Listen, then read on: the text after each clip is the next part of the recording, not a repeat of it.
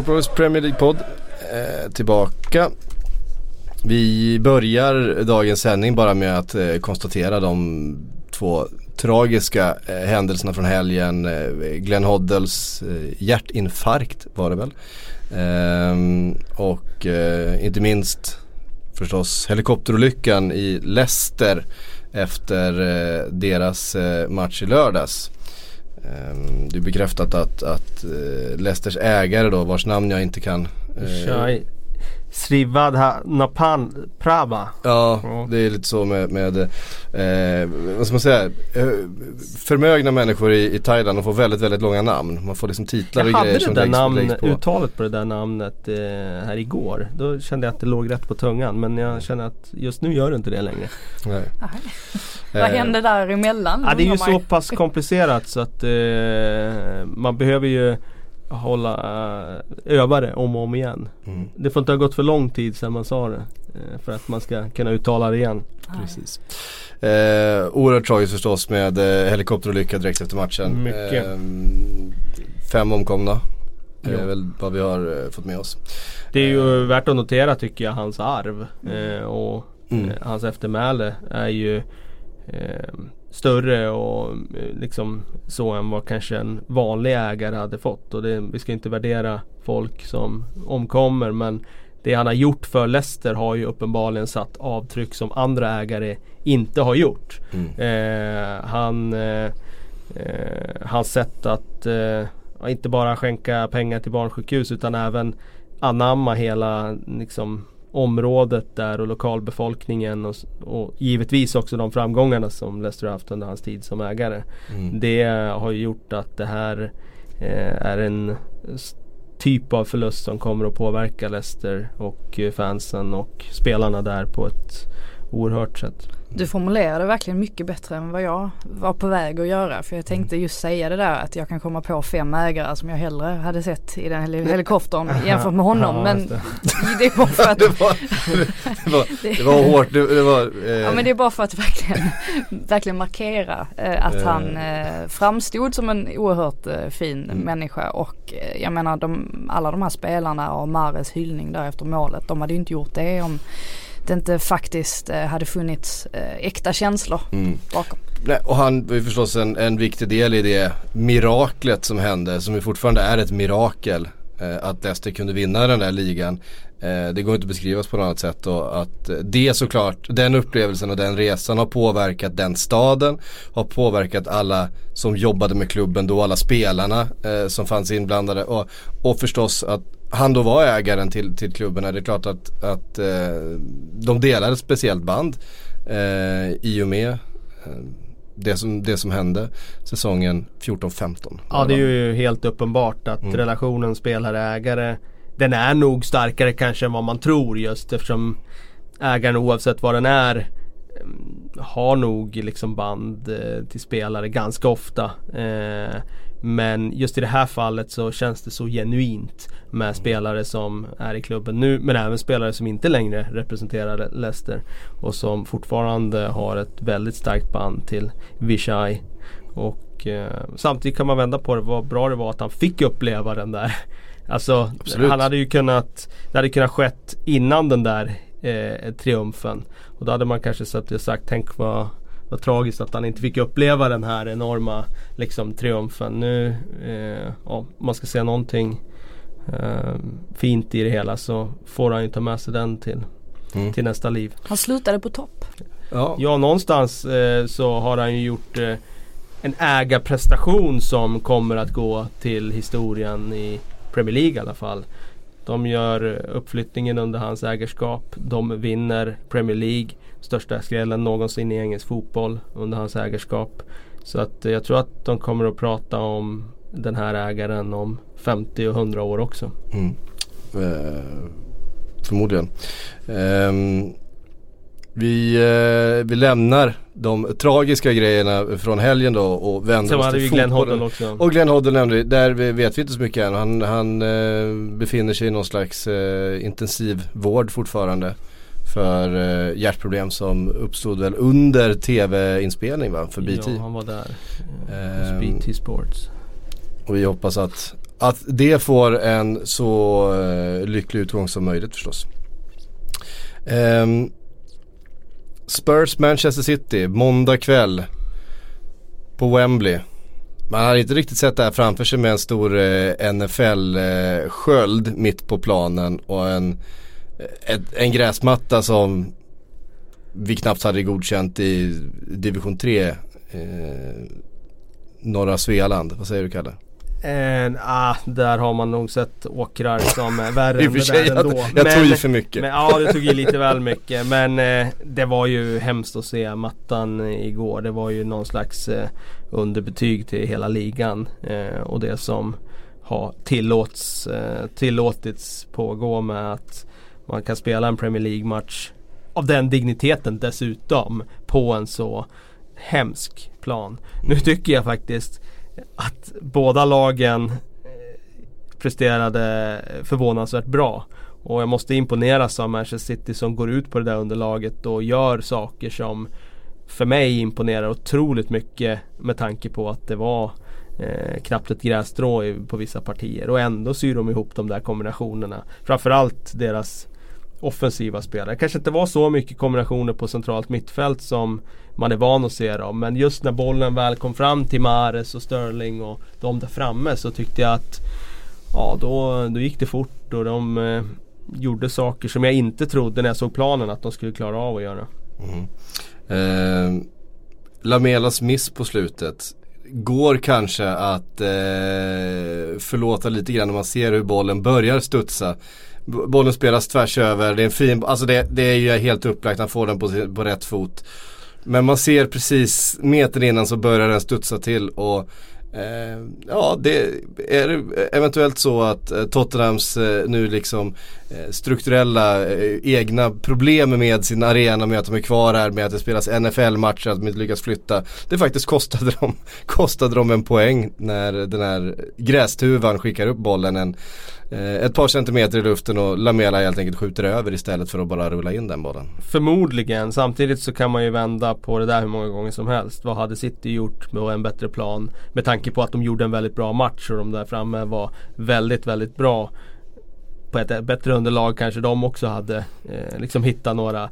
Det, det sämre laget brukar ju alltid tjäna på en sämre matta. Mm. Och jag tror inte det var något undantag igår att Tottenham tjänar nog mer på det än City. Däremot just Därför i det enskilda det... momentet så tror jag att Lamela hade gjort mål i, på en bättre plan. Ja. Ja men det kändes som det fanns någon poetisk rättvisa. jag vet inte, jag, vill inte jag, jag anklagar Tottenham lite grann för att vi har hamnat i en situation där, där det spelas en toppmatch på ett sånt här underlag med, med eh, amerikansk fotbollslinjer dragna över hela planen och stor NFL-sköld mitt i mittcirkeln. Eh, jag tyckte det såg bedrövligt ut, det är ju fan skamligt. Eh, någonstans fanns en poetisk rättvisa att den där dåliga planen till sist, sist kostade dem poäng. Jag tar i, alltså fäktar lite efter eh, halmstrån här. Eh. Påminner en hel del om eh, MLS det ser man ju rätt ofta där att det är mm. planer som är målade eh, utefter amerikanska fotbollslinjer. Sen får vi komma ihåg det är inte första gången heller som planen ser ut sådär på Wembley. Efter Anthony Joshuas eh, fight där så var den ju också katastrofal. Mm. Eh, undrar hur mycket, många poäng det här har kostat Tottenham allt som allt att de inte fick klart den här arenan i tid. Och frågan är egentligen alltså när den kommer att bli klar. För nu var det ju ett snack om att det här nästkommande London-derbyt det lär väl vara Tottenham-Chelsea då vad de, de menade med nu i november att, att då skulle de kunna flytta in. Men jag tycker att sen dess har man inte, man inte hört riktigt att det kommer bli så. Det är ju skräckrapporter också om att de inte kan flytta in förrän i vår. Mm. Eh, och då blir det ju ännu jobbigare mm. för dem såklart. Det tar ju tid och energi och, och allt. Ja, det var ju intressant också det här med, för Wembley höll ju på att säljas eh, i förra veckan när, vad heter han, Fulhams ägare, eh, som jag inte nu kommer ihåg, han heter Shahid Khan något sånt va? Eh, som då äger ett NFL-lag och vill arrangera ännu mer eh, NFL-matcher i London och ville då köpa hela Wembley för att kunna arrangera NFL med jämna mellanrum. Det är ett stort eh, publikt intresse där och det säljer mycket biljetter och det, det hjälper till att expandera den eh, produkten då va, in, i Europa. Men eh, en av de som motsatte sig var, var Tottenham just. Och då tänkte man, jaha, det var för att de vill vara där och spela fotboll. Nej men det visar sig att Tottenham själva har då avtal med för att arrangera NFL-matcher på Wembley. Redan avtalade och skrivna. Så att eh, de la in ett veto att det här ska ni inte få köpa för att vi måste arrangera våra NFL-matcher också. Eh, den moderna fotbollen är, är förbryllande ibland. Mm.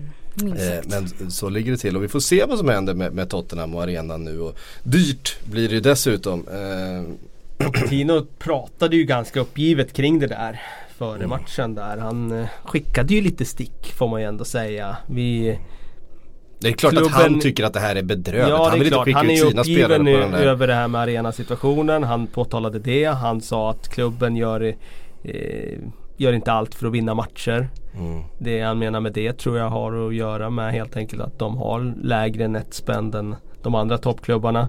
Eh, att det finns liksom andra mål och strategier just nu som är viktigare för Tottenham kortsiktigt än att eh, vinna matcher på planen kortsiktigt. Och det, det, det, det, känns som att han talade på ett sätt som var, det lät liksom lite som att han kanske skickade en första sån här passning till, syrlig passning till klubbledningen om att vill ni att jag ska mm. vara kvar här så får ni nog ge mig lite bättre förutsättningar. Mm. Tror ni inte att det finns en liten risk med tanke på att Real Madrid sitter i den situationen de sitter att de kanske går in och plockar Harry Kane nu under januari. För innan har det ju alltid snackats om Eden Hazard men jag kan inte tänka mig, om det nu är Antonio Conte som går in där, jag kan inte tänka mig att Hazard vill återförenas med honom och spela den typen av fotboll. Harry Kane tror jag hade varit mer öppen för det. Och med tanke på, det är klart att han vill leda sitt, sitt Tottenham in på nya mm. arenan och sådär men om det fortsätter se ut så här så jag tror att det finns en möjlighet att han kan sticka då. Mm. Ja, det nu är det ju inte fastslaget ju... att det blir Antonio Conte heller. Och jag trodde du skulle säga så här. Finns det inte en risk att de plockar Pochettino? Eh, ja. till Real Madrid. Du, du tänker så. Det tror jag i och för sig inte att det blir så lätt att göra för han signar ju nytt kontrakt och mm. Levi är ju inte den man enkelt förhandlar med. Om man säger så. Det kommer ju kosta eh, oerhört mycket eh, i den förhandlingen. Men jag tror vad, vad är det första steget? Jag tror att Harry Kane till Real Madrid. Det kommer i första steget vara Pochettino till Real Madrid som plockar med sig mm, Kane. Ja, men det, det, det, är inte dumt. Men eh, ja, det, det, är mer som talar för att det blir Conte i Real Madrid. Och då tror jag precis som du Frida där att då kanske det inte blir Hazard ändå. Eh, och då bör det bli någon annan för de kommer vara desperata efter Galacticos där nu. Eh, de har insett att så här kan det inte se ut. Så att, eh, men januari, januari redan där, det, det, det, tror jag inte. Ja, men de kommer ju köpa någon spelare. I januari, och de, absolut. De, nu kommer det de ju verkligen vilja lägga stora pengar. För att jag menar, de ersätter Cristiano Ronaldo med en målvakt. Alltså det mm. sa ju sig självt att då mm. blir det inte så många många fler mål. En målvakt som kanske inte ens var speciellt mycket bättre än den hon redan hade. Utan mer det går att argumentera för det ja. Ehm, och så vidare. Nej det, det, är ju som sagt eh, det är mål som behövs till Real Madrid. Det, det är en helt annan podcast. Vi ser fram emot Sillypodden när den eh, eh, dundrar igång här om någon, ja vad ska vi tro, en och en halv månad någonting. Eh, börjar vi fundera på det. jag tror det kommer bli en hel del Real Madrid. Vad tror mm, ni? Det lär det bli.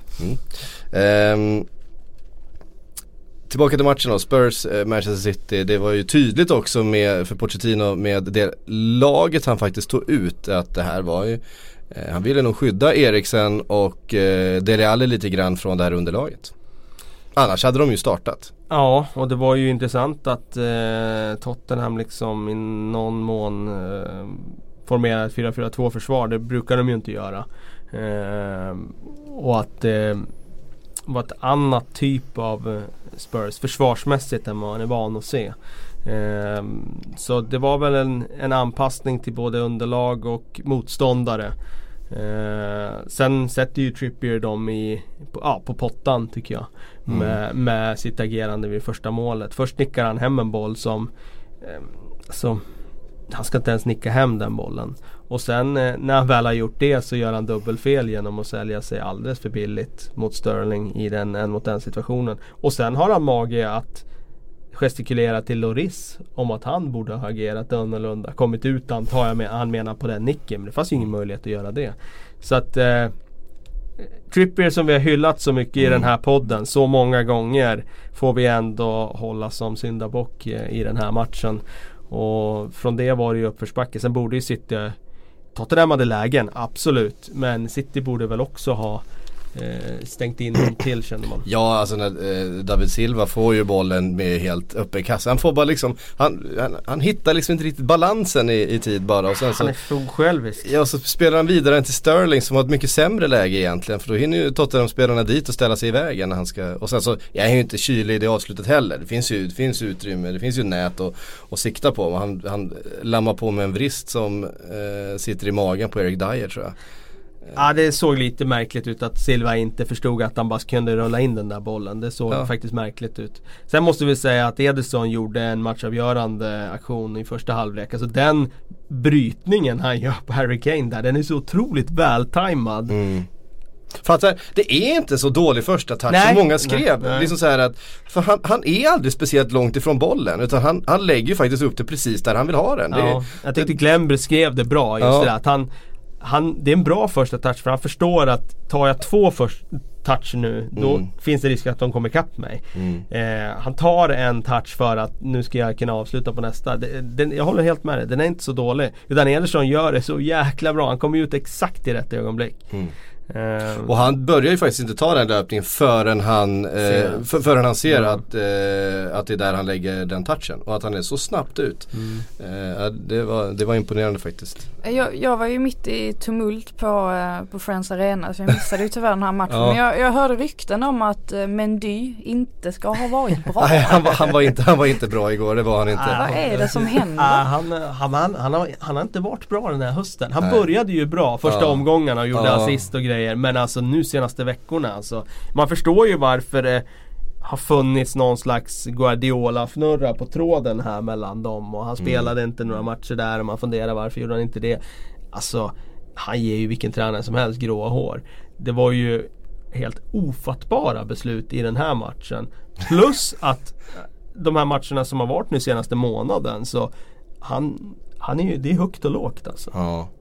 Ett, Misstag i varje match. det är ett alltså. tillfälle när han står kvar vid mittplanen och ska försöka blocka en passning och blir bara överspelad och sen så står han bara och slår ut med händerna liksom samtidigt som Spurs kommer i en, alltså hela, hela, hela omställningen handlar om att han inte har tagit sitt jobb. Och så står han själv och slår ut med händerna när Spurs då kommer till den här omställningen för att han inte Man ser eh, alla andra spelare i City springer max mot det egna målet. Ja. Han står helt still och slut med armarna när han själv har gjort misstaget. Ja, Eh, det var eh, Det var en undermålig, usel insats skulle jag säga.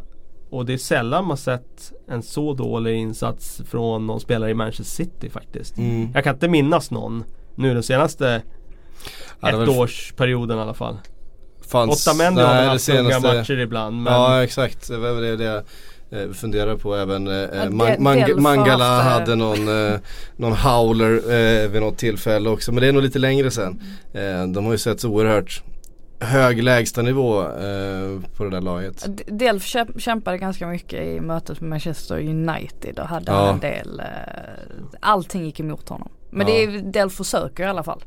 Ja han, han kämpar i alla fall och han är ju dess, dessutom inte vänsterback Nej. egentligen.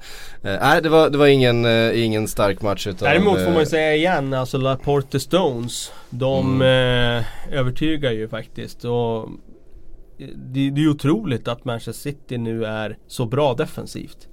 De snackade om det i Sky Sports studio igår. Och alltså man tittar på laget de ställer på banan. Om du tar bort Stones och Laporte. Det är liksom Bernardo Silva, David Silva, det är Mares, det är Agüero, det är Sterling. Det är liksom inga bra defensiva fysiska pjäser. Det är ju liksom miniatyr eh, dvärgar som springer runt som är jättebra bollspelare. Man förstår ju att de kan spela bra offensiv fotboll. Men att de är så bra defensivt. De släpper ju inte till någonting. De släpper ju knappt till ett skott på, på mål. Vad hade de?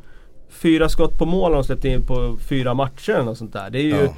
Nu skulle ju Lamelas skott såklart ha gått på mål på en annan plan men Att de lyckas ha, ett så otroligt effektivt försvarsspel genom att eh, vinna tillbaka bollen så snabbt och så här. Det är ju Det är uppseendeväckande. Det var en eh, Fer- Fernandinho är ju den man, Ja, det, det är ju absolut. en väldigt stor del av förklaringen. Han gör ju ett Verkligen. otroligt Men det är inte jobb. bara det heller utan jag tycker mer är Guardiolas sätt att Alltså formera defensiven när de själva har bollen. Alltså stå i rätt positioner när vi själva är på offensiv planhalva. Eh, det är liksom inte huller om boller utan det är liksom en plan med att eh, Ja det ska vara rätt avstånd och det ska vara liksom eh, positionering som gör att det blir svårt för motståndaren att komma ur eh, de här situationerna. Det man kallar för Defi off. Eh, och det var en artikel eh, som jag läste nu om just det där att Guardiolas försvars, alltså defensiva organisation, det, det lyfts ju sällan. Han är ju ingen Mourinho på det sättet som har fått liksom stämpel som ja, en defensiv tränare. Men han är ju en av världens bästa defensiva tränare. Man har ju tagit upp i många mål hans lag har släppt in liksom. Det är både Barcelona, Bayern München och nu Manchester City.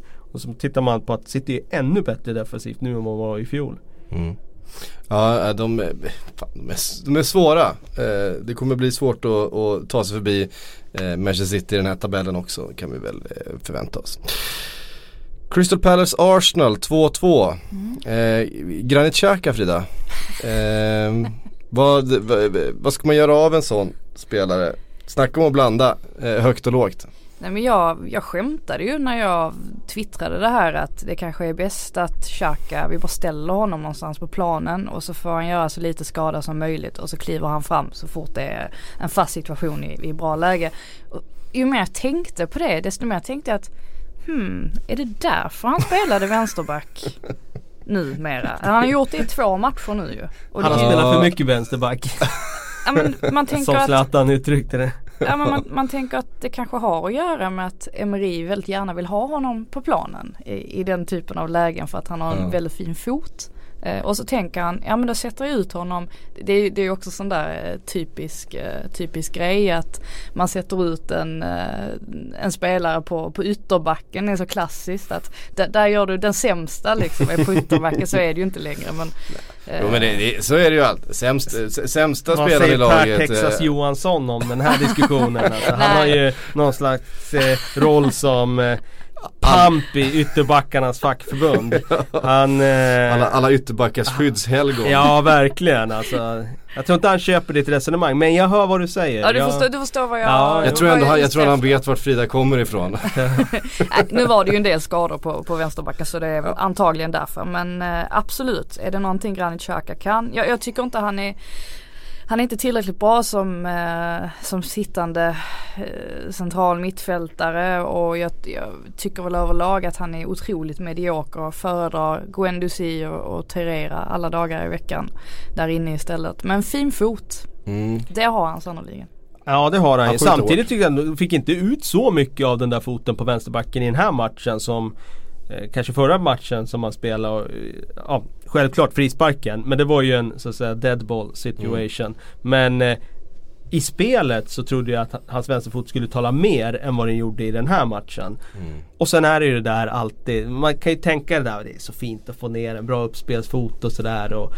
Tänk vilka crossbollar man kan slå därifrån. Jo, men sen kommer ju den där en mot en situationen. Och det är ju nästan alltid den typen av situationer som blir matchavgörande. Mm. När någon går förbi. Och nu blir det extra kritiskt att det var i straffområdet dessutom. Det en mot en spelet var ju inte direkt från skolboken från Xhaka.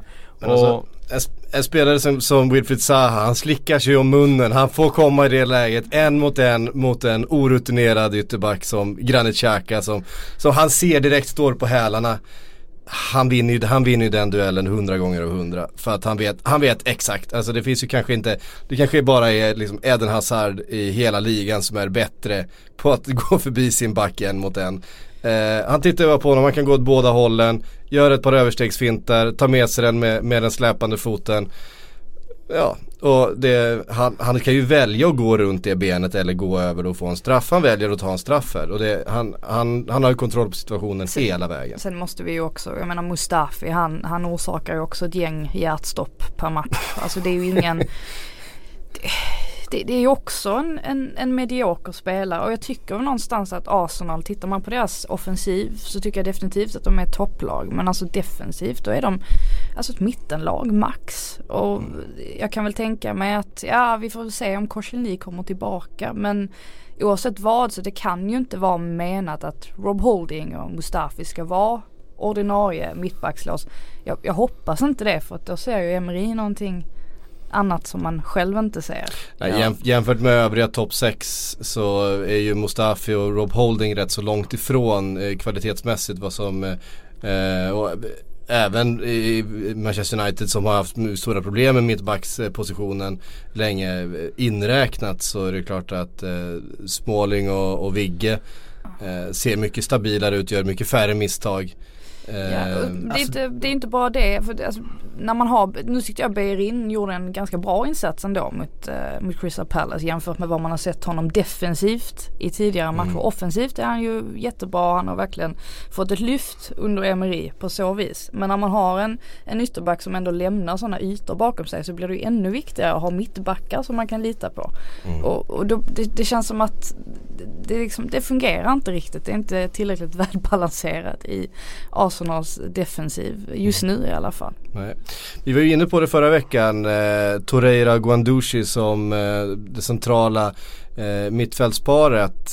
Eh, om det var det bästa alternativet som Arsenal hade just nu. Eh, nu valde han att starta dem från början här och det, Torreira är ju Arsenals bästa spelare den här matchen. Eh, skulle jag vilja hävda. Han, han, han skyddar ju den här backlinjen väldigt mycket.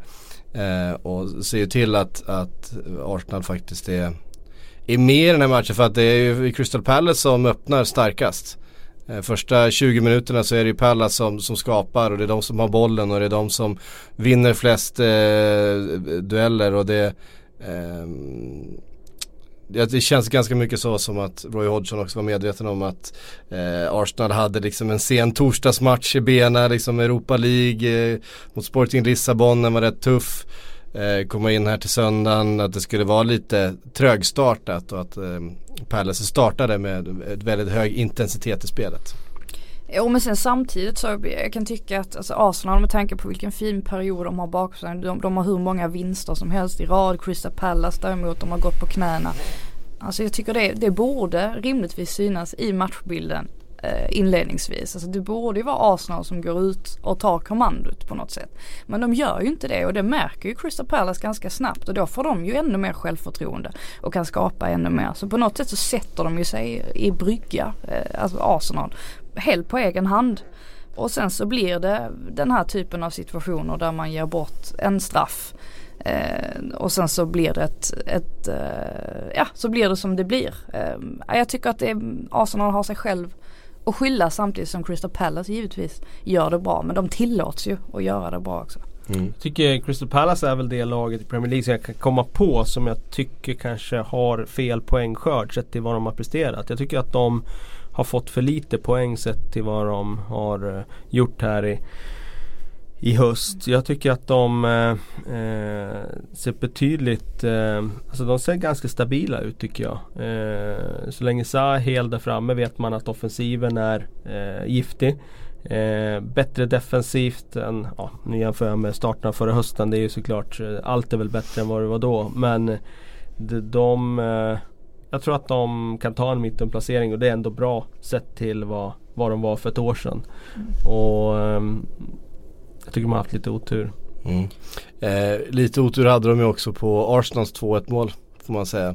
Dels en handsituation och dels 9,5 millimeter över, över strafflinjen. Ja det är sjukt alltså. Eller, ja. Det är otroligt alltså. När man fick se den där bilden så inser man ju att eh, Ja det, det, det är svårt att se med det mänskliga ögat eh, Ganska ofta i de där situationerna och då har det varit betydligt större marginal. Nu det här var väl den minsta möjliga marginal jag har sett i Premier League i alla fall på ett sånt här mål.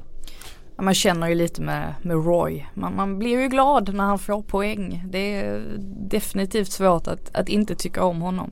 Sen måste jag säga alltså, för Arsenals del att Mesut Özil antingen är 100 eller 0 i matcher oftast. Alltså det, det blir ju också ett problem. I den här matchen försvinner han helt och hållet. Han syns inte mm. till överhuvudtaget fram tills han blir, blir utbytt blev han till slut. Jag har till och med glömt ja. för jag, ja, han, blev, han, han, blev utbytt och, och, och, ja. och surade över det. Men han var ju han var ju obefintlig. Det finns ju få spelare på den här nivån som kan försvinna så ur, ur matchbilden. Men från att ha, ha varit så bländande i förra matchen och mm. verkligen gjort allt rätt så gör han inget rätt. Och det blir också ett problem eh, såklart för Arsenal som också gör att de kommer lite ur balans. Så att, mm. nej, det var inte riktigt eh, Arsenals dag. De ska vara glada att de får med sig en poäng här.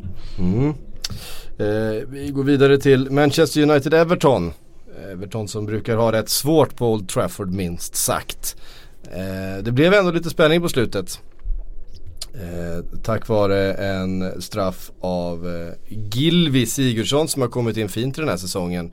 Känns det som och äntligen fått bli då den där navet i eh, Evertons anfallsspel. Eh, är ju inte, han saknar ju lite, sp lite speed kanske och lite eh, rörlighet ibland men eh, fötterna, eh, de har han. De sitter, bollarna sitter där de ska hela tiden. Eh, vad säger vi om Manchester United i den situationen de befinner sig i eh, i den här matchen? Jag tyckte det var ett fall framåt för deras del. Nu pratar jag spelmässigt. Eh, anfallsspelet såg ju faktiskt eh, emellanåt rätt småtrevligt ut. Hade några kombinationer där man tyckte att de kändes inte lika inlåsta som de har varit tidigare.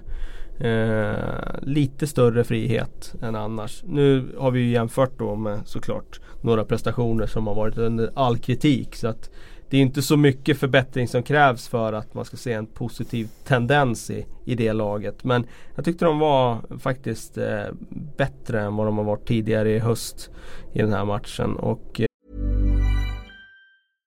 Cool fact a crocodile can't stick out its tongue. Also, you can get health insurance for a month or just under a year in some states. United Healthcare short term insurance plans, underwritten by Golden Rule Insurance Company, offer flexible, budget friendly coverage for you. Learn more at uh1.com.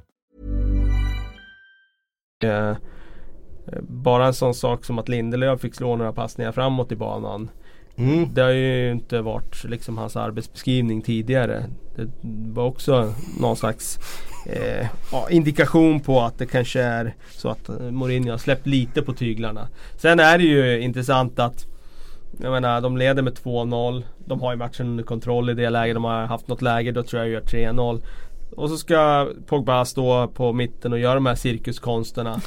Igen. För vilken gång i ordningen. Han har ju gjort det tidigare. Vi har ju pratat om det i podden där Brighton borta till exempel. När han ska stå och göra sina sulfinter. Nu ska han göra något annat och lyfta bollen över någon och sådär. Och så blir det mål.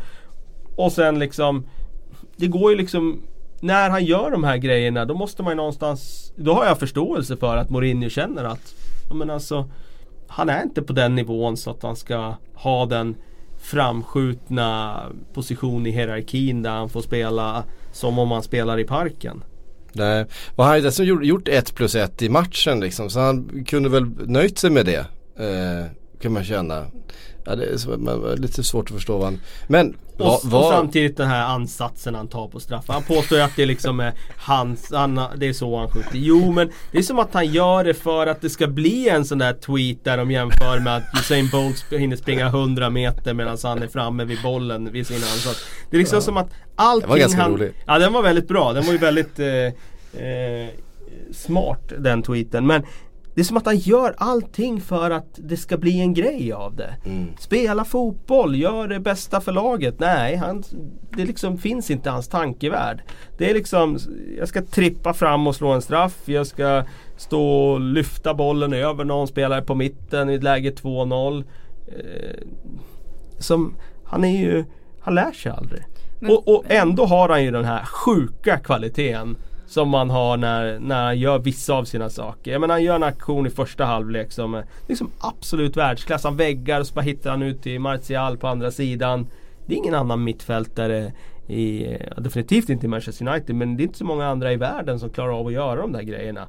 Men han har ju någonting som, någon slags grej som innebär att han vill vara mer cirkusartisten än en effektiv fotbollsspelare. Men är inte det en tränares uppgift då att kunna tämja sina spelare. Ta Guardiola, han hade aldrig eh, tolererat det där. Och sen samtidigt så hade kanske Pogba haft betydligt mer respekt för en sån som Guardiola. Alltså jag tror att eh, sånt där är också viktigt att tränaren har ju faktiskt en del i att hålla koll på sina divor. Absolut, nej men så är det ju. Det, det är ingen tvekan om det. Och, eh, Mourinho har en stor del i det. Sen är det också så att ibland har du att göra med hopplösa fall.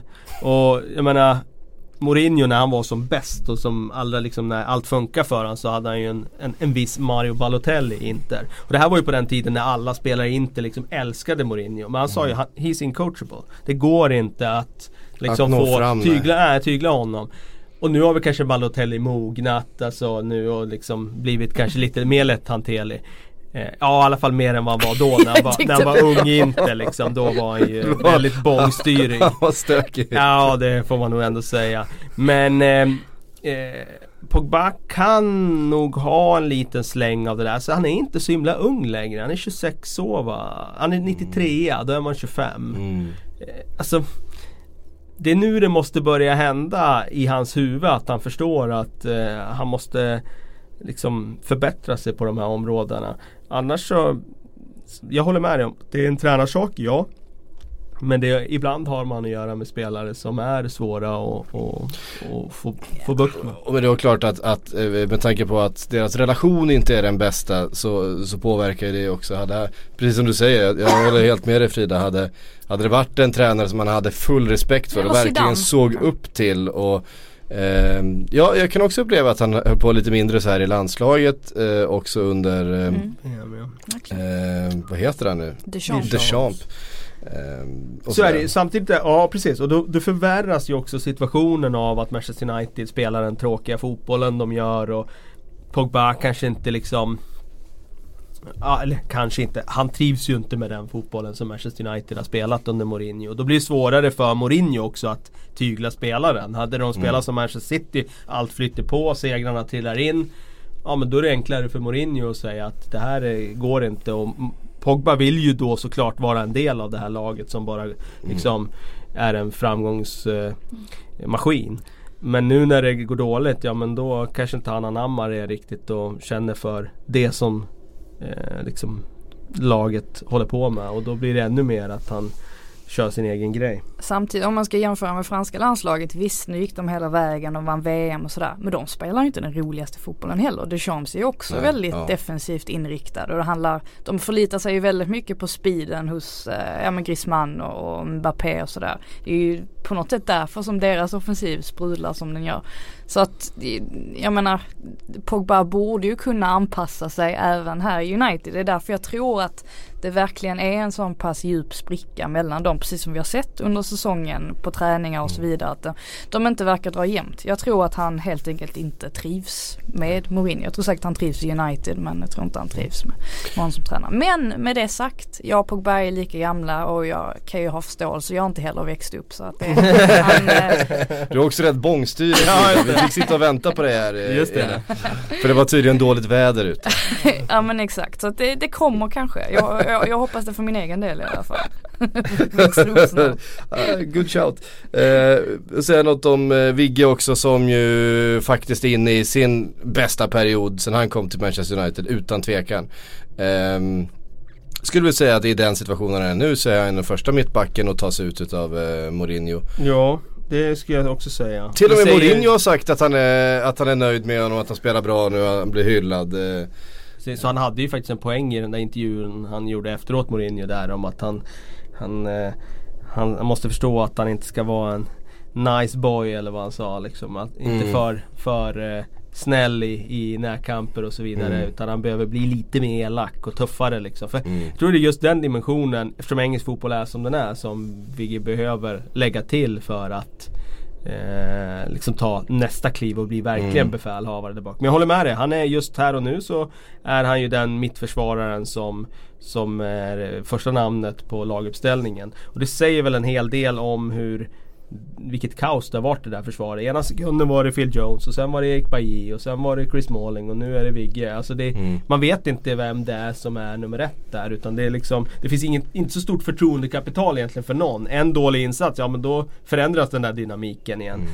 Medans i Manchester City så har Laporte liksom råd att göra en dålig match. Han är kvar i laget. I Tottenham kan Alderfereld ha en dålig match. Han kommer i alla fall inte liksom åka ner i rangordningen. Jag har ju till och med sett perioder där liksom Rojo och Blind har varit eh, in och spelat mittback. Eh, ja Blind har ju inte varit så uppskattad med Mourinho och så. Men, men Rojo har ju varit det ja. i perioder och ja. varit första mittbacken på, i startelvan liksom. Ja.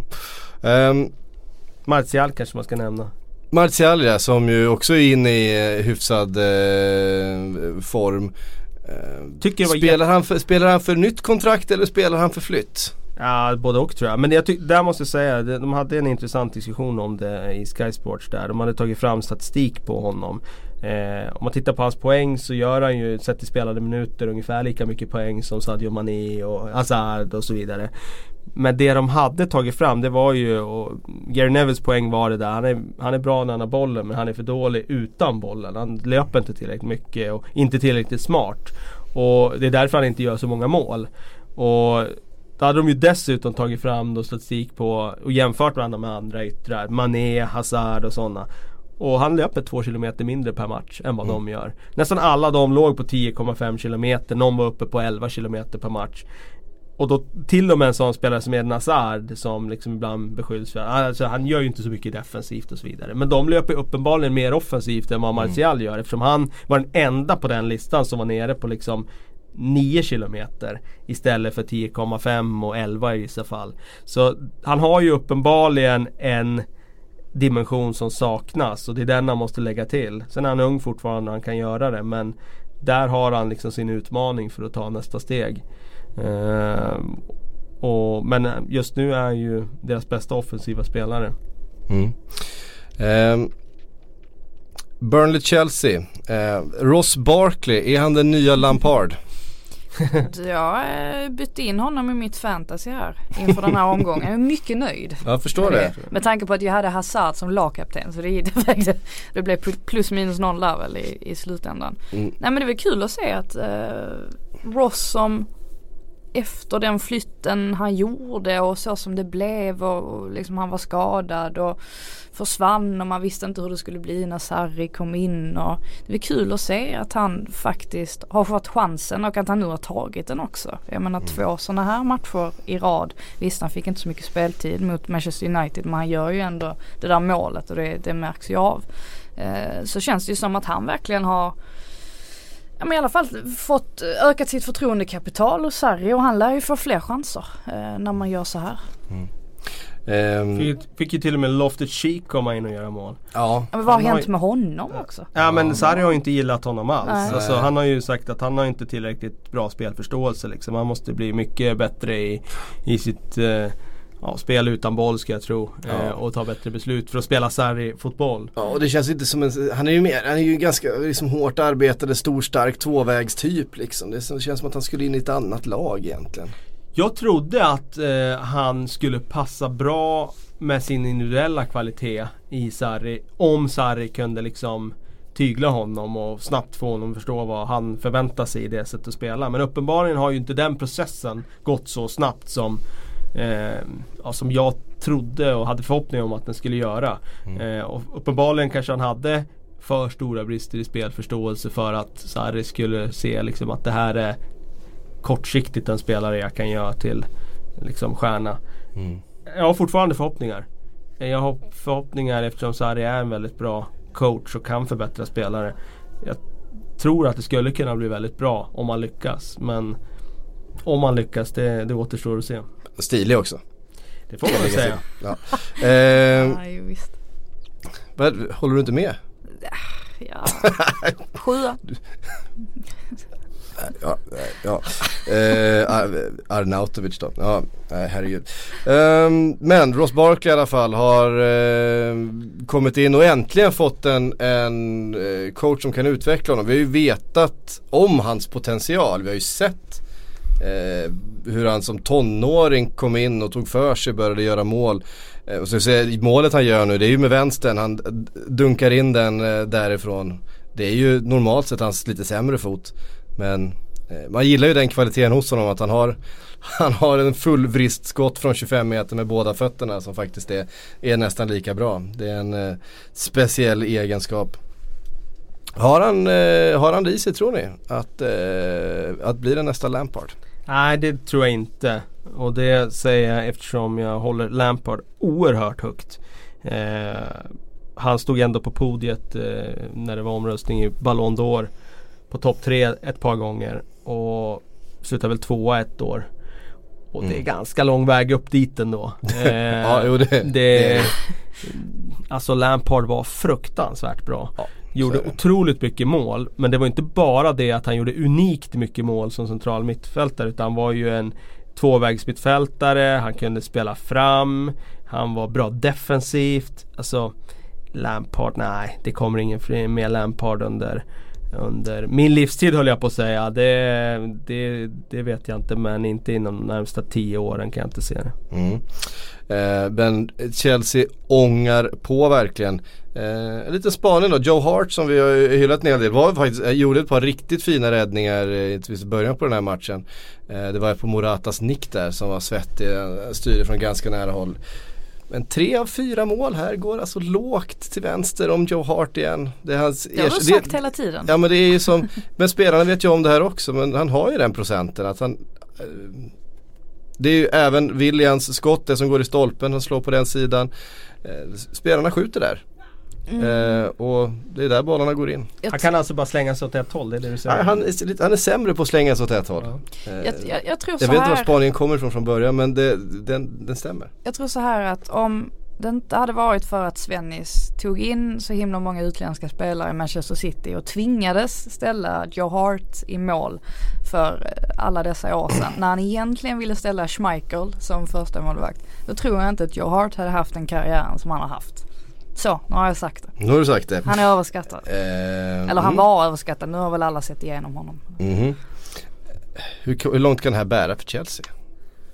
Nej men topp tre. Jag tror inte att det blir någon titel. Uh, jag tror att de kommer komma in i en period någon gång där det studsar emot och defensiven är inte riktigt på plats ännu. Uh, men uh, topp tre. Mm. Um,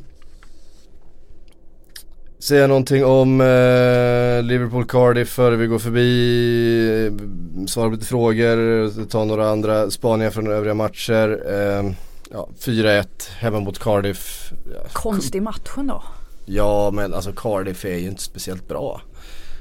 Ska man säga. Nej, å andra sidan så tycker jag att, eller jag tyckte man såg det inledningsvis där hos Liverpool att de har en tendens att sjunka ner i motståndarlagets tempo lite mm. grann. Det var ju exakt det Cardiff ville uppenbarligen. Mm. De vill ju inte att Liverpool ska växla upp och, och köra på. Och på något Nej. sätt så hamnar Liverpool ganska ofta i den fällan att de, de flyttar boll eh, ganska långsamt och ja, men det blir lite sådär stiltje. Sen när matchen då öppnar upp sig där mot, mot slutet, ja men det är väl klart att de kan få in Alltså att det blir 4-1 och så ser allting jättebra ut och så liksom täcker det lite över det här som inte mm. fungerade. Men för så är det ju, det är ju fortfarande saker som inte ser klockrena mm. ut. Sen är det klart det är en styrka i sig, att vinna med 4-1 i slutändan. Men det hade ju kunnat bli helt annorlunda där. Det, det blev ju ändå lite spänning på slutet. Ja det blev lite, jag var inte så uh, supernervös ändå. Det, Sen var det, det ett skitmål de släpper in också. Det, kan ju, det är ju definitionen av skitmål. Det är definitionen av ett skitmål. Det styrs på van Dijk som helt friställer uh, Patterson som uh, petar in den liksom. Det, det är sånt som händer på något sätt uh, då och då. Men det var väl också enda skottet på mål som Cardiff hade under matchen. Jo men det kan ju vara så att nu har Liverpool ändå haft det här lilla flytet på sin sida i, i ganska många matcher. Någon dag så kommer man ha oflyt. Mm. Eh, så är det ju bara. Och då kan det, det, vara någonting sånt här som ställer till att det är ett lag som, eller motståndarlaget har ett skott på mål och sen så blir det mål. Jag vet jag reagerar faktiskt på det om jag ska ta en parallell till, till gårdagen där Till Trelleborg? Nej, till, till Malmö FF där eh, jag tror det var Marcus Rosenberg som säger liksom att eh, det är klart att vi skulle ha vunnit den här matchen. De hade ett skott på mål. Ett skott, eller var det Traustason? Någon av dem. Eh, ett skott på mål, ett skott på mål. Det var det enda han upprepade. Jo, fast det räcker ju. Gör de det målet där då, då, då har man förlorat två poäng. Det är inte enklare än så. Sen kan det vara orättvist resultatet i efterhand sett i statistik och så vidare. Men i, ibland har man helt enkelt marginalerna på, på fel sida. Mm. Så, så är det ju. Ja, eh, verkligen. Eh, jag tror att det här, just den här matchen så tror jag Cardiff hade så oerhört lite. Det, det kändes som de hotade med ingenting verkligen. Eh, och när, framförallt när Liverpool får ett tidigt ledningsmål där och sen så får man tvåan också. Så visst man åker på ett skitmål. Jag tror att det kändes aldrig eh, så värst hotat. Däremot mot ett bättre motstånd eh, så finns ju de här eh, farorna. Nu, nu möter de ju Arsenal till helgen. Uh, och det blir en väldigt intressant match för ett helt annat, helt annan offensiv när, när uh, Lacazette, Aubameyang och sen får man ju se vilket humör Özil är på. Uh, och Xhaka. Och Granit Xhaka. Om man är i startelvan ja, så får vi se. Ja. Mål två matcher i rad för Salah nu. Det var ju mycket snack om hans måltorka och så vidare. Ja, faktiskt eh, tre matcher i rad. Tre matcher i rad. Du räknar med Europa också? Ja, Ja. precis. Jag menar i ligan, och Ja, ändå två raka. Och med tre då. Så det känns som att kanske börjar rulla på igen nu då. Mm, Han hade precis. dessutom ett par assist i den matchen. Ja, ja han har eh, fyra plus två på de senaste tre matcherna om man räknar in. Så att det, eh, Vi behöver nog inte vara så oroliga. Jag tror att han kommer säkert göra sina, sina mål och poäng den här säsongen också. Det tror jag också. Ehm, det är frågan ifall Pullen kommer göra hörde ni. vi, har fått, vi fick en fråga, tyckte jag var lite roligt. Vem har sämst försvarsspel? Vem var det som skrev den då? Ivar Eh? I, Ivar Svänglund ja. Ehm, vem har sämst försvarsspel? Fulham eller Trelleborgs FF Frida? Det är ju definitivt eh, Fulham sett till eh, vilken liga de spelar i och vilket, eh, vilken backlinje de borde ha när de spelar i en sån liga. Jag tycker inte att Trelleborgs försvar kan i alla fall mäta sig med typ Elfsborg och, och sådana där lag. TFF har ju inte lagt en miljard på spelare inför Exakt. säsongen heller. Nej men precis. Det, det här är ju ett, det är ett helt felviktat lag liksom. De har ju Mm. verkligen De har ju kvalitet på På fel ställe. Ja alldeles för, eh, för offensivt. Det, Det var ju ett offensivt lag de gick upp med från Championship. Det var ju ett offensivt viktat lag och sen så väljer man att köpa eh, ännu mer offensiva spelare bara. Eh, ja, nu det- testar han väl ändå en trebackslinje. Det har de väl inte kört med så mycket Han, tidigare? jo, han, han Har gjort det tidigare. Då har han spelat 3-4-3. Ja, okej. Eh, den här var, den var uppställd som fyrbackslinje men sen vet jag inte hur det såg ut i, i själva verket sen. Men oavsett vilka de spelas så är det ju Det är inte jättebra spelare. Det, och då är ju Reem mittbackar och jag tror att det Alltså ägaren där, du sa Shahid Khan där. De Mm. brukar ganska mycket synpunkter när de har lagt ut stora pengar för en spelare som inte används. Mm. Alfie Mawson sitter alltså på bänken nu i Fulham. Det var ju han som köptes in för 20 miljoner pund och skulle bli den nya försvarschefen. Han används alltså inte i den backlinjen som man liksom kallar den sämsta någonsin i, eller i alla fall det försvaret som kallas det sämsta någonsin i Premier League. Eh, det är ju ändå anmärkningsvärt.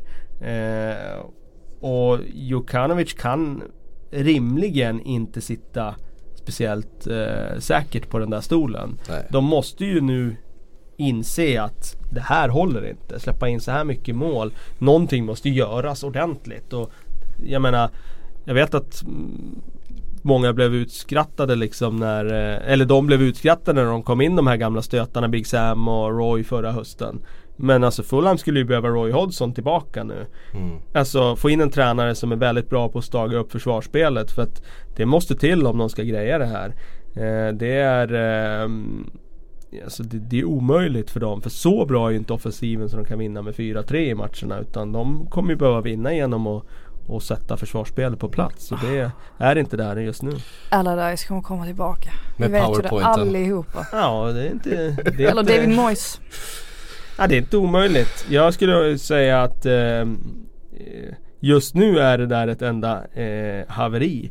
Och den mittfältaren som jag tycker liksom jag ser ändå en spelare där, Anguissa, han var ju också på bänken nu. Mm. Så han, Alfie Mawson och Anguissa som man har köpt för en del pengar, de platsar inte i det laget som just nu är ett, eh, en ren katastrof. De springer ju rakt igenom verkligen. Och är det, det är 3-0 målet. Det ser så enkelt ut. Det är en helt, alltså det är uppställt, alla är på, på sina positioner. En rak djupledsboll mellan eh, mittback, ytterback, Karan Wilson helt fri. Ehm, bara sätter den liksom. Och Det är, som så här, det, det är som att de inte vet överhuvudtaget hur man gör när man försvarar liksom. Att de ens försöker. Nej nu ska jag stå här. Och så står de där. Jaha han sprang, han sprang två meter bredvid mig liksom. Jaha, ja, det var ju trist. Det var inget jag kunde göra åt det. Det, är- det, Eh. det är ju en parodi också när man, när man vet med sig att man har släppt in fyra mål mot seriens, förmodligen seriens sämsta lag, Cardiff, i omgången innan. Och så kör Mm. man nästan på med samma spelare ändå. Den Mm. enda som var, det var bara Chambers som inte var med eh, nu mot Bournemouth. Men Anna i övrigt så är det ju samma spelare liksom. Det är också Mm. lite anmärkningsvärt. Ja, det, det var bedrövligt att se och, och ehm, det, det, man undrar verkligen hur det ska gå för Fulham. Jag, jag är rätt övertygad om att det, det finns lite material helt enkelt för att eh, få ihop den här skutan så att, eh, att utmana om några platser över strecket. Jag tror att de kommer eh, åka ur. Jag tror att både de och Cardiff helt enkelt inte, de räcker inte till. Nu är Cardiff visserligen ovanför strecket men jag tror, jag tror inte det kommer räcka. London Evening Standard säger att Shahid Khan, eller de skriver här att han eh, är beredd, ägaren i Fulham är beredd att ge Jukanovic mer tid. Eh, mer tålamod. Men vi får se om eh, det här fortsätter så kan jag inte se någon annan utväg än att han eh, att han eh, ryker. Mm. Han är ju numera största favoriten hos, hos spelbolagen att få gå först. Det har ju varit Mourinho hela hösten men nu mm. är det Jokanovic. Mm. Ja, föga förvånande. Um, Watford, Huddersfield slutar också 3-0. Några hyfsade mål. Pe Pereiras slalomåkning eh, följdes upp av Deulofeus slalomåkning. Det gläder mig oerhört mm. för jag har valt att behålla Pereira i mitt, uh, mitt uh, Premier Manager-lag. Han gick ju lite torrtider där efter den starka starten men jag behöll honom. Visade honom tålamod som Shahid Khan gör med Jokanovic här. Och eh, det betalar sig den här gången. Mm. mm. Jag också opererar i Bra där. Viktigt. Jag ja. hade Delofeo men han gav ju upp hoppet om. Jag tyckte jag läste varje vecka. Nu ska han vara tillbaka. Nu ska han vara tillbaka. Så var han riktigt aldrig det. Så att jag bytte ut honom till slut. Men det var ju synd. Då kom han tillbaka. Ja. Mm. Så kan det gå.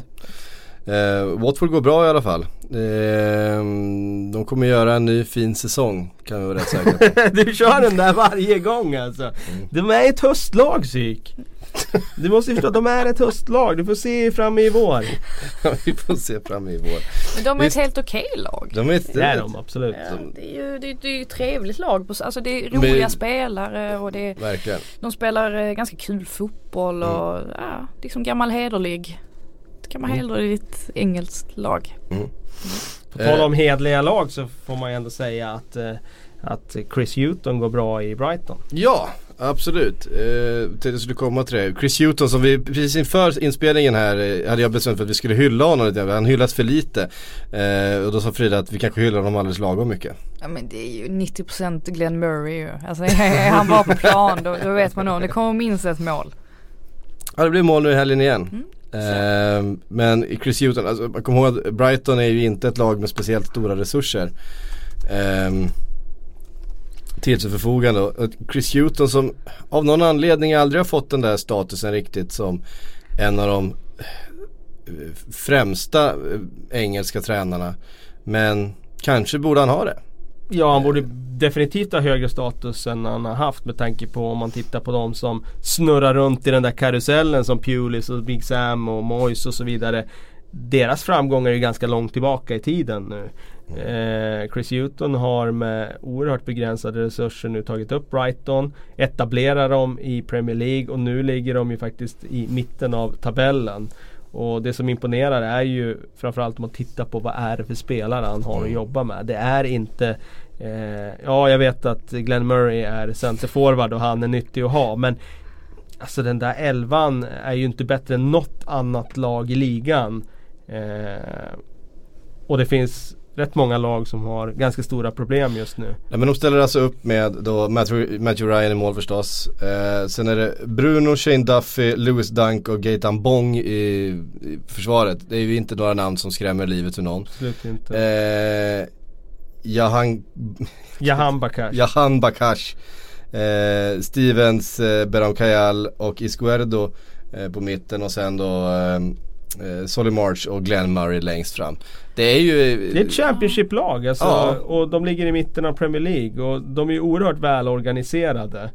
Och det får mig att tycka att Chris Hewton eh, och det jobbet han har gjort där är ju Han, har ju, han överträffar ju förväntningarna. Mm. De överpresterar. Så får man ju ändå säga att alltså både förra sommaren och nu också så har de ju, de har ju värvat ganska smart. De har ju fått in spelare som på pappret inte har sett ut att vara speciellt mycket för världen. Men han har ju på något sätt fått ihop det där också. Eh, det har ju varit, eller det ska man jämföra där liksom med Huddersfield till exempel som mm.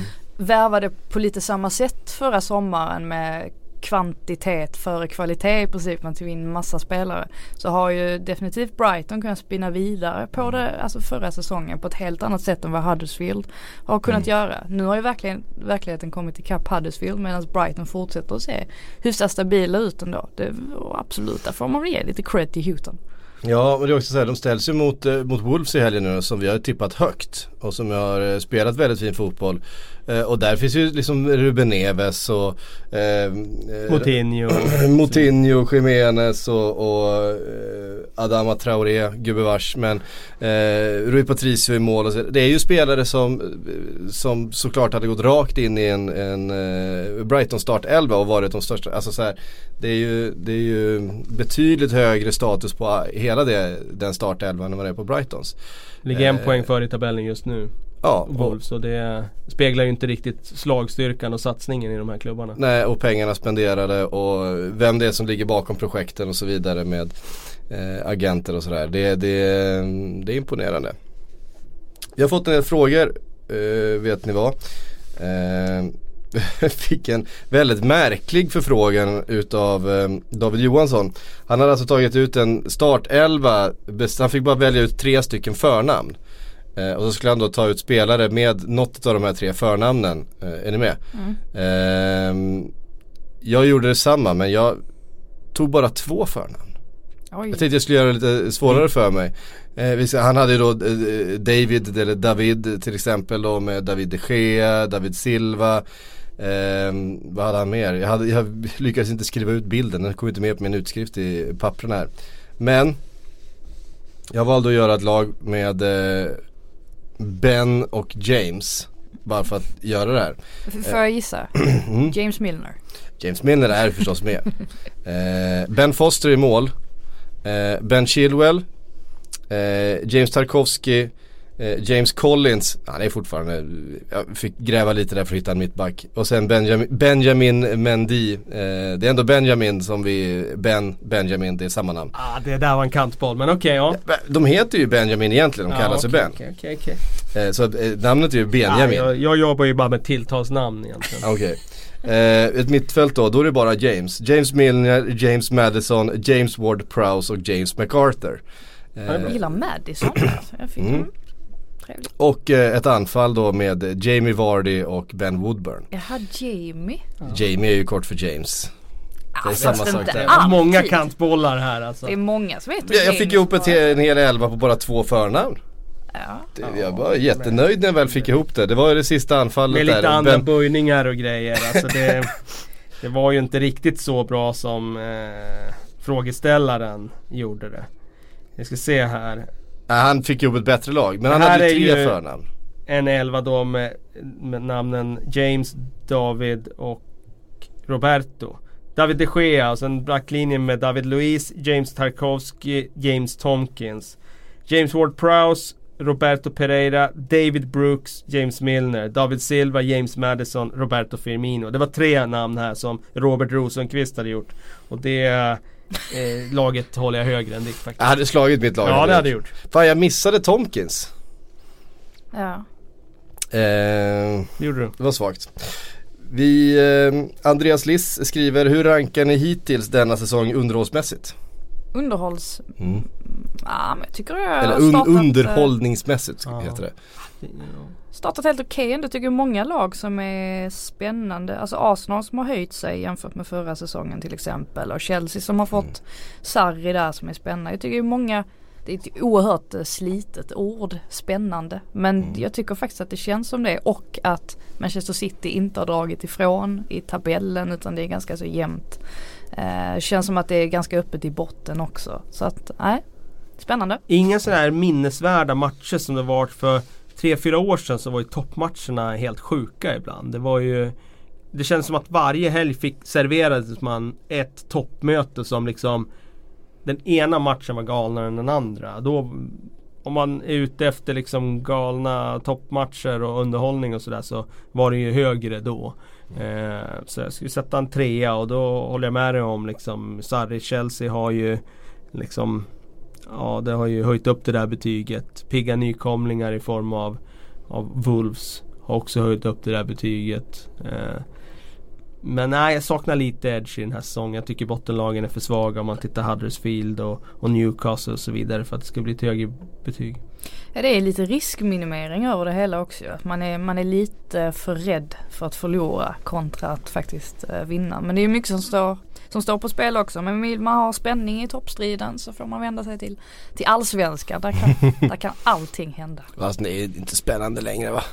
Jag har sagt att AIK ska vinna hela tiden och jag står fast vid det. det jag tyckte att det var Det går uppenbart. inte, men som det ser ut nu så går det inte att tippa någonting annat. Det är ju fan klart ju. Eh, Kommer inte, att- kommer inte att säga att, att, eh, att Norrköping kan, kan blanda sig i det här igen. Jag tycker jag har varit klart sedan eh, andra, tredje omgången. Mm. jag tycker det.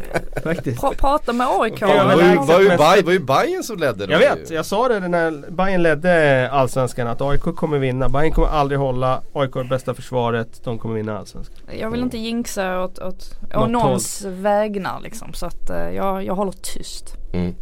Eh, Trelleborg är ju nu va? Nej, Nej? Det finns, finns en matematisk chans. Det Ja just det, det är fem poäng upp ja. Fem poäng. Ja just det. Eh, så nu gäller det ju Du faktiskt ser att väldigt hoppfull ut faktiskt. Ja men det var att komma tillbaka från ett 0-2 underläge till 2-2 mot Elfsborg och faktiskt ha eh, de bästa chanserna mot slutet så att man hade kunnat ta tre poäng. Det gav mig ändå lite hopp. Och att Salif Kamara Jönsson fick göra sitt allra första mål, allsvenska mål i karriären. Ja var det, är- fint. Det var fint. fint. Jag det var hoppas fint. på att, eh, en dominoeffekt. Följde, kom det en liten tår? Ehm, ja men jag, jag blev väldigt glad av hans vägnar. Han har haft ett tufft år också så det, Mm. var, det var kul. Mm. Eh, Det får faktiskt runda av den här eh, Premier League-podden den här veckan. Vi är såklart tillbaks om en vecka då med eh, färska analyser från eh, den fantastiska Arsenal-Liverpool. världen. Från Arsenal-Liverpool till exempel. Vilken, Mm. vilken, vilken avslutning. Så Mm. har du aldrig avslutat. Kan du inte säga som du brukar göra? Det var allt vi hann. Tack och hej.